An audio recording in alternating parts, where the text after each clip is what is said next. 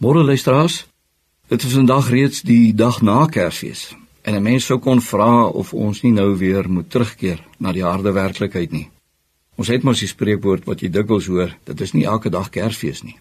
Maar is dit so dat Kersfees eintlik iets onwerklik is? Dat 'n mens na Kersfees weer na die harde werklikheid moet terugkeer? Dit lyk nie vir my dit is wat die Bybel leer nie. Hier in Lukas 2, waar die geboorte van ons Here Jesus Christus beskryf word, doen Lukas juis moeite om die harde werklikheid waarbinne hierdie kind van Maria gebore word op die voorgrond te stel. Hy maak dit duidelik dat Jesus gebore is toe keiser Augustus regeer het, toe die Romeine oor God se volk heerskappy gevoer het. Hy wys hoe die harde werklikheid gewone mense geraak het, Maria en Josef wat noodgedwonge na Bethlehem toe moes gaan om volgens die dekreet van Augustus ingeskryf te word. Viermaal verwys hy na hierdie dekreet. Wanneer Maria deur die Heilige Gees swanger word en haar kind in Bethlehem gebore word, kom God juis deur hierdie kind in die harde werklikheid van hierdie lewe. Ons onthou mos wat skryf Paulus Filippense 2 vers 6 en 7. Jesus Christus wat in die gestalte van God was, het sy bestaan op God gelyke wyse nie beskou as iets waaraan hy hom moes vasklem nie. En dan hierdie woorde: maar hy het homself verneder deur die gestalte van 'n slaaf aan te neem en aan mense gelyk te word. Hy kom in die harde werklikheid in.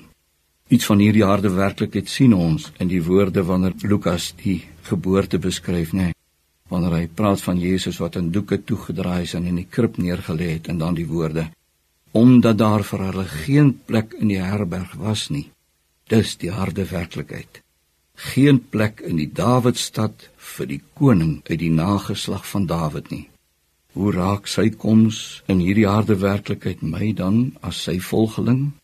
Hy het my immers nie uit die harde werklikheid uitgehaal nie. Ek het elke dag daarmee te doen. Ons moet mooi verstaan hoekom Jesus in hierdie werklikheid ingekom het. Hy het ter wille van mense wat die Vader aan hom gegee het, die gelowiges gekom.